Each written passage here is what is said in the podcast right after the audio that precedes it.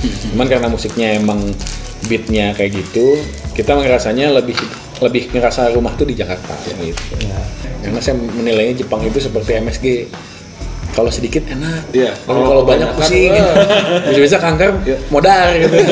Kalau soal budget yang paling lucu itu pas gue pertama kali keluar airport dijemput Velfire So, ya, kita 10 hari di sana. Keren lah ya. hari ke-8 Velfire itu berubah jadi Colt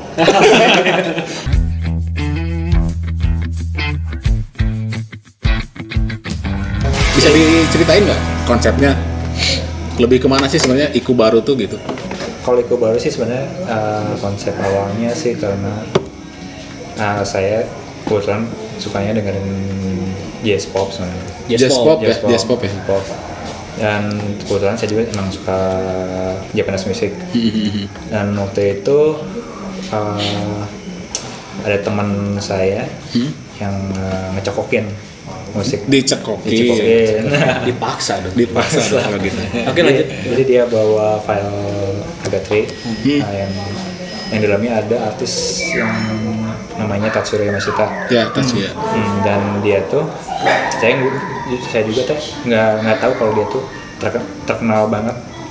Eh, bahkan mungkin terkenalnya mungkin kayak legend kayak Krise mungkin. Iya. Kayak gitu. Oh di Jepangnya maksudnya? Iya. Jepang ya. Rilis di Jepang. juga ya? Ya. Bisa itu ceritanya gimana bisa rilis di Jepang? Apakah record di Indonesia nggak ada yang Bagus mumpuni gitu. gitu? Nggak ada yang mumpuni atau Jangan gimana like gitu mungkin. ya. Gimana tuh? awalnya mah dari eh, demo dulu ya. Demo kita bikin demo. Asalnya kan bedroom projectnya kita gitu. Tony Iqbal ada studio di rumah.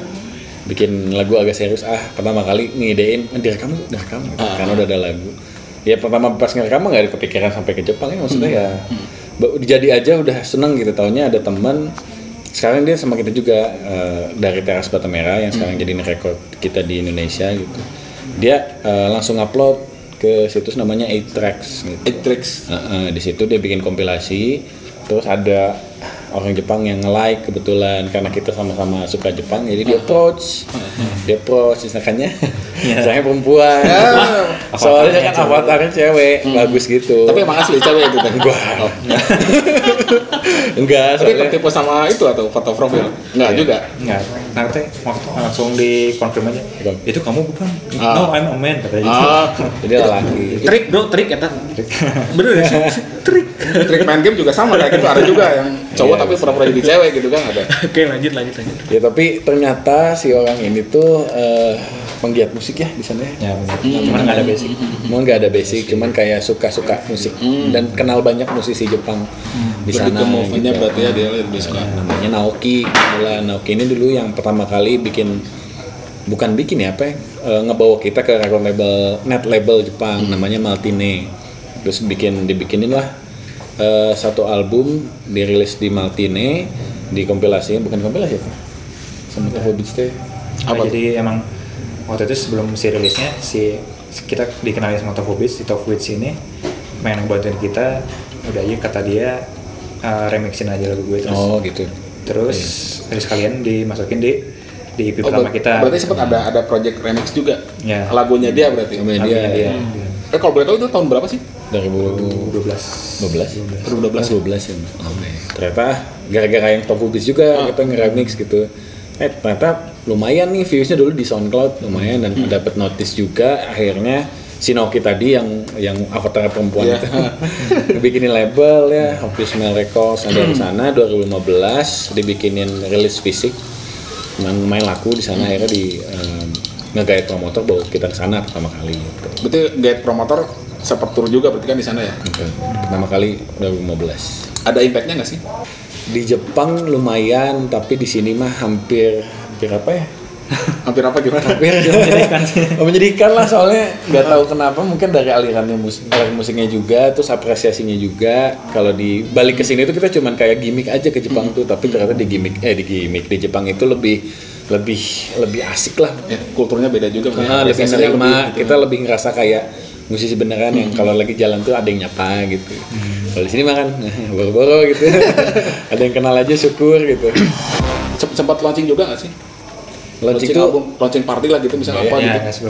Kita tuh dulu emang anak-anak eh, anak-anak musik yang baru melek banget ya, jadi nggak tahu manajemen musik harus ngapain setelah bikin album. Media Blast tuh nggak tahu gitu, jadinya ya ya udah gitu aja diam diam. Tapi dah kalau misalnya dulu juga ngelihat eh, musik yang tren musik waktu kita lahir lah, kutip gitu ya, lagi ke folk ya. oh, post rock terus transisi ke folk Nah, pas- jadi asal nggak nyambung kita muncul teh. Jadi orang kayak nggak begitu notice. Dulu mah yang, yang ini teh apa ya? Apa si Pursa Militan. Oh, Dulu mah yang lagi keluar tuh gitu Masters and Beat. Jadi kita tuh kayak terasing aja. Jadi mungkin gara-gara itu juga nggak kedengeran di Bandung. Cuman karena musiknya emang beatnya kayak gitu, kita ngerasanya lebih lebih ngerasa rumah tuh di Jakarta gitu. ya Tiga secara rilisan digitalnya di Jepang, yang fisiknya di sini apa gimana? kalau digital sih kita nah kalau yang sekarang kerjasama sama publisher namanya Circulate Music itu dia dari California Hmm. Amerika gitu. Tapi kalau fisik sih yang sekarang-sekarang kita rilis sendiri juga di Indonesia dan kemarin sih kebetulan ada yang nawarin juga untuk ngerilisin juga di Jepang gitu. Karena eh, emang waktu itu tuh Nagatosan dia tuh dia tuh salah satu Dengkot lah. ya Ah, Dengkot City juga Pop. Lihat juga berarti. ya. Soalnya dulu ada dia tuh pernah jadi manajer dari Babes. Sugar Babes. Sugar Babes itu bandnya Tatsuro Yamashita yang tadi kita ceritain. Jadi lumayan besar. Jadi dia respectable lah di sananya gitu. Pengen berarti dong tinggal di sana. sempat pernah kepikiran sih cuman Soalnya saya ngelihatnya kayak gini, Iku baru jadi Jepangan, ibu ya. Ya kita dulu. Bener gak sih? Wibu tapi Sempet ya, gimana ya ngomongnya? dulu dulu masa dulu ada lumayan akut Eh, akut. Dulu lumayan sih kita sempat sempat suka-sukaan sama kar- karakter anime juga punya. Dia sempat ngikutin juga berarti banyak yang lumayan ngikutin ya. banyak. Banyak lumayan. Tapi kalau tadi ngomongin sempat pengen tinggal di Jepang mah Iqbal sempat pengen kalau kalau saya sih pribadi sih enggak ya. Karena saya menilainya Jepang itu seperti MSG kalau sedikit enak. Iya. tapi kalau banyak pusing. bisa-bisa kanker modar gitu. Karena emang stres levelnya juga parah Iya, gitu. Iya. Disiplin banget kalau di sana banget gitu kan. cepet bisa bayanginnya gini aja kalau kita jalan di trotoar Indonesia kan santai yang duduk talaunan. Kalau di sana mah bisa. jalan terus kita tiba-tiba berubah pikiran eh gitu. Udah ada yang nabrak aja dibilang karena secepat itu tuh dari dari dari kotanya gitu. Belum lagi kerja terus pressure individual juga kan mereka teh Iya, iya. Ada ada anime yang kalian sukai nggak? Ah, kita sempat keranjingan sama Jojo sih Jojo bisa sampai foto-foto aja Wah, pakai gaya Jojo Iya, iya. Dulu. Jadi ada anime yang absurd lah, namanya Jojo Jojo bisa. Bizarre. Namanya juga bisa gitu. Berarti Aneh. pisan, bro. Tapi itu baru-baru sih. baru baru sih Kalau dulu dulu mah paling standar lah Dragon Ball, kalau Kenshin. Kalau saya sih suka basket kan jadi Slam Dunk gitu.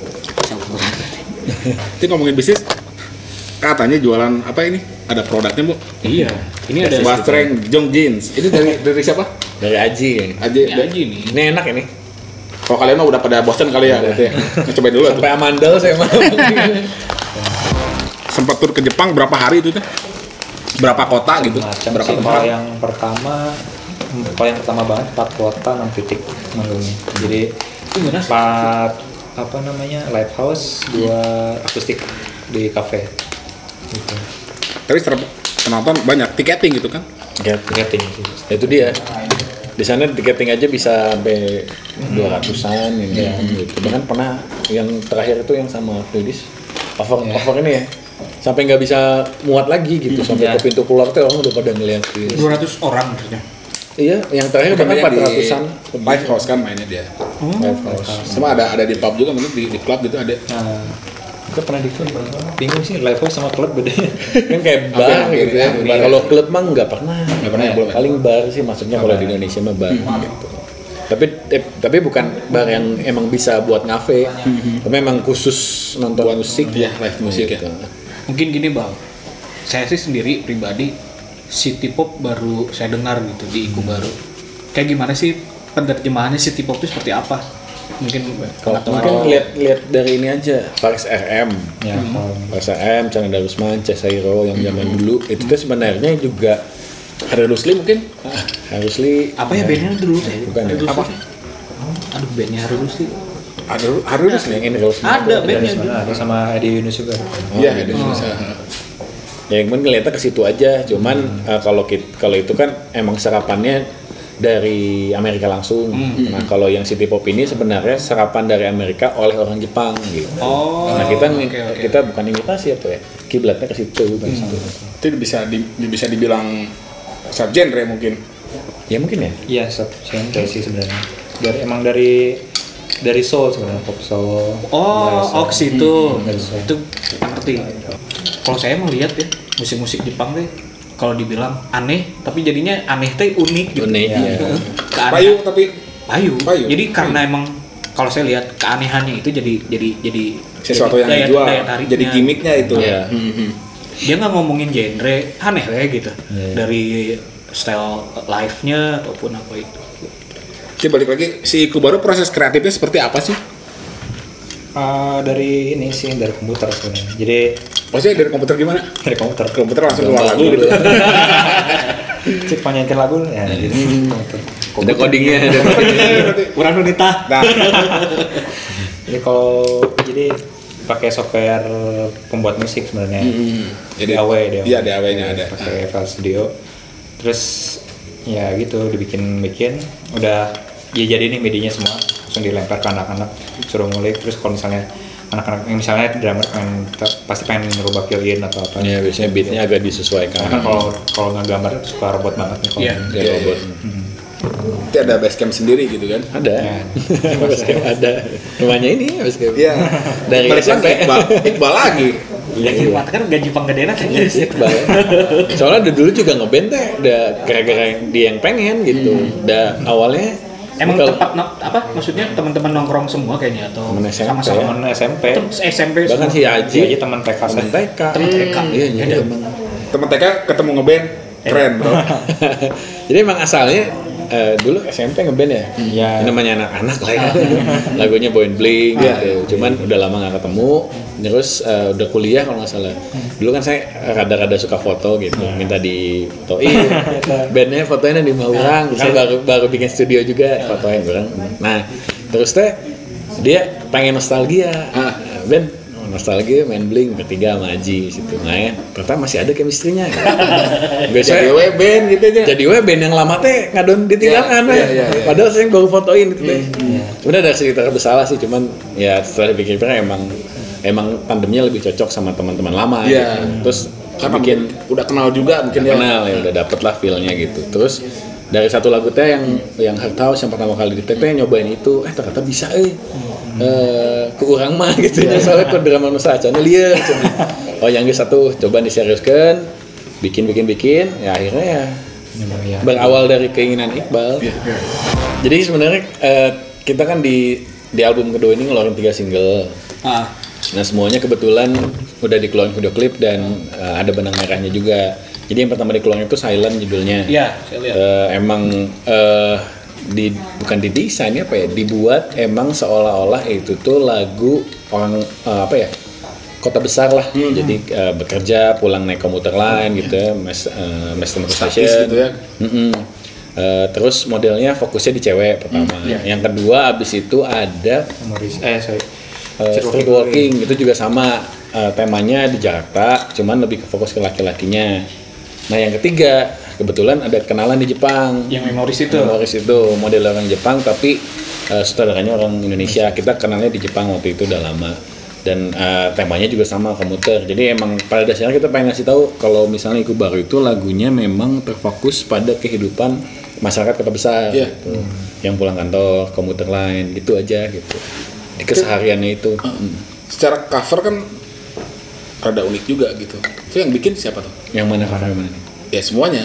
Jadi EP Amusement Park kan ada Amusement Park ada ada versi Jepang, Indonesia sama album kedua ini. Yang bikin tuh satu orang Muhammad Hadi itu yang Stargazer kalau misalnya. Eh, ada yang tahu gitu ya. Nah terus si Amusement Park ini sempat dibikin eh, versi vinilnya dibikinin sama ah, apa seniman seniman. senior Jepang namanya Hiroshi Nagai. Dan kalau itu memang bayarannya mahal karena emang ngejual gimmick Ya. karena itu pun mendongkrak penjualan ya ya menurut penjualan gitu karena emang si Hiroshi Naga ini emang namanya udah terkenal banget gitu Berarti yang si vinyl dirilis yang album keberapa? Yang terakhir yang kedua berarti kan? yang ke pertama Pertama sama sama kedua Yang pertama sama sama IP kedua sama IP Berapa? Dipublikasikan hanya di Jepang. Jepang. Jepang aja. produksinya juga Jepang. limited banget Berarti kalau dijual ke Indonesia lumayan berarti ya. Kemarin? Kemarin ya, ada yang Order juga. ada yang beli sih, maksudnya udah second hand gitu. Oh, udah lama. Dia ngelepas 2,2 juta. 0,2 juta. 2,2 juta bu. Orang oke kan boga vinilnya. Padahal dulu pas kalau mau beli langsung mah 300 ribu. Cuma 300 ribu. ribu. iya. Lewat si Iku baru. Kan Indonesia di sana kan. Ah, ah, Langsung beli. Ada jadi kita nawarin temennya kita lagi di sini mau beli nggak? Ada yang nitip. Dulu aja sebelum yang ketahuan yang 2,2 ini tahun 2018 kalau nggak salah ya. Sejuta. 1,75 itu tuh tahu dari Jody Nababe Records dulu kalau ini. Jadi dia bilang, tuh ada yang jual tuh gini-gini di Blok M. Terus saya dat akhirnya datang ngobrol-ngobrol sama Andi Twins kalau tahu. Ya ada tuh kemarin jual 1,7. Tapi tahu yang nanyain si personilnya tahu. Nah, maksudnya gimana? Iya maksudnya kan yang nanyain Oh iya itu saya nanyain kebetulan. berapa kopi itu teh dibikinnya teh? 100. 100 apa? 100 apa 150 gitu. Itu lumayan juga emang vinil mah harus limited ya. Iya, jadi ibaratnya digoreng lah harganya. Tapi bangga juga ya, bisa sampai 2,2. Iyalah, jadi barang rare juga itu kan. Ini secara secara komunitas kalau di Jepang kalian ngerasanya gimana? Buat komunitasnya sendiri gitu. Konsumsi buat musik kalian gitu. oke. Bagus sih, lumayan kayak eh, apa namanya ya? Bukan traffic, apa namanya? Dari penjualan lumayan dari Apresiasi. merchandise atau eh, penjualan fisik gitu. Lumayan banget kalau misalnya dikatakan itu terjadi secara reguler gitu, ya, bulan mah kita bisa hidup banget ya. Ya. Cuman pada dasarnya saya sempat nanya dulu ada sudah temen dia eh, apa namanya Hunter ya yang nyariin si Nodoka Hunter ya Hunter. apa iya yang nyariin band untuk dibawa ke Jepang gitu Oh, Oh iya ya. Oh, Jadi- jadi hunter x hunter. Wah, eh, bro. apa Beda, namanya bro. gitu talent hunter atau ah, pokoknya ada hunter hunternya lah gitu Dia buat talent bilang, yang di sini buat dibawa ke sana gitu. nggak dari sini juga seluruh dunia Ah? Nah, terus dia bilang e, Iku baru tuh sebaiknya jangan sering-sering Jepang. Karena Jangan kalau sering. jangan sering karena e, punya punya label premium yang datangnya hanya setahun sekali gitu. Kalau sering-sering misal katakanlah manggung setiap minggu, nanti si premium itu jadinya reguler. Karena Oke. orang bisa dengan mudah mm, em, mengkonsumsi musik Iku baru gitu. Jadi sebenarnya ada di situ, ada di situ juga per perbingungan.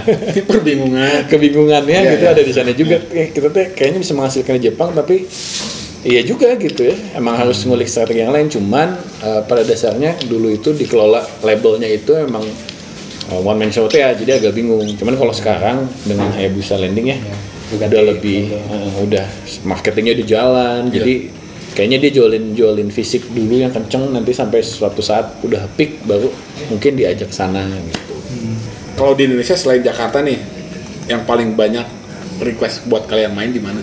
Pernah sih di daerah Sumatera sama tapi Jogja juga lumayan di Jogja. Jogja asik ya. Jogja Malam Jogja malam jadi.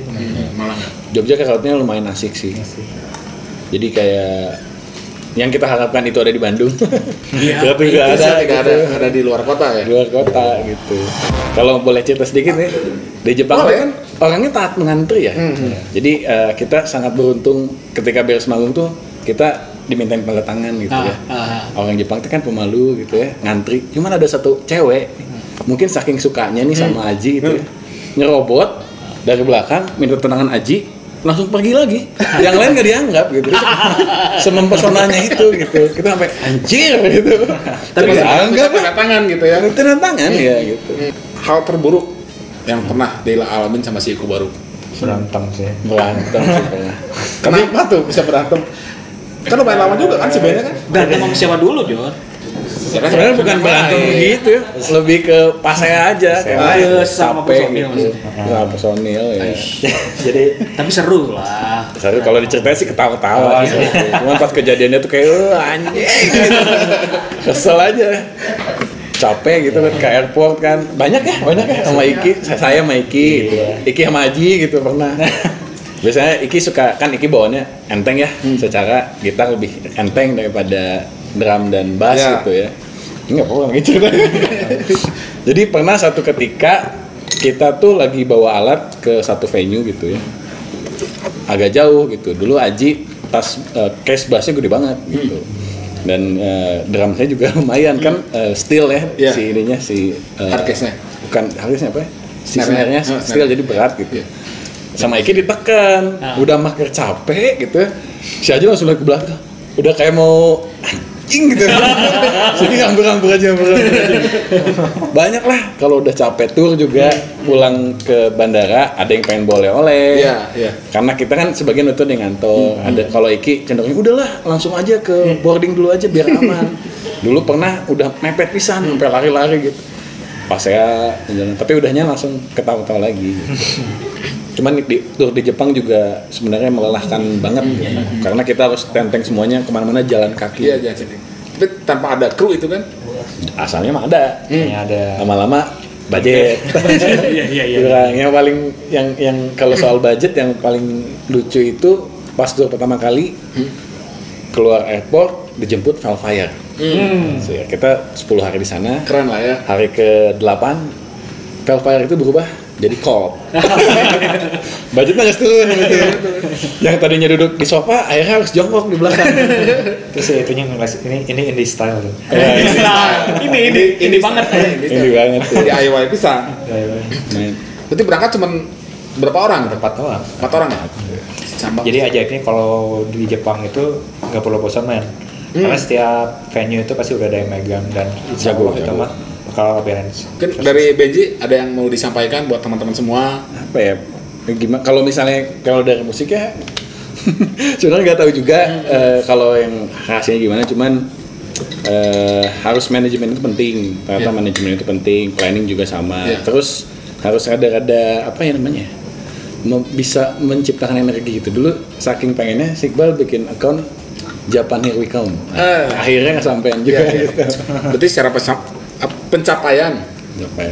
dikira memang sudah Tapi tercapai. kalau emang kalau ngarahnya ke luar mah gitu, pengen jual karya ke luar mah harus bisa lihat misalnya mau ke Jepang ya lihat pasar Jepang kayak Iya, gimana sih. Wih. Soalnya ada kita juga sebenarnya nggak sengaja seperti Iya. itu. Toh ternyata lagu kita teh pasarnya di sana dan kebetulan ada akses. Nah kalau masalah akses sih kayaknya ya pergunakan sosial media aja kalau sekarang. Ada yang mau disampaikan lagi? ya buat Captain Harus Creative Space ah, semoga konten-kontennya lebih asik ke depan Ya. depannya Amin amin.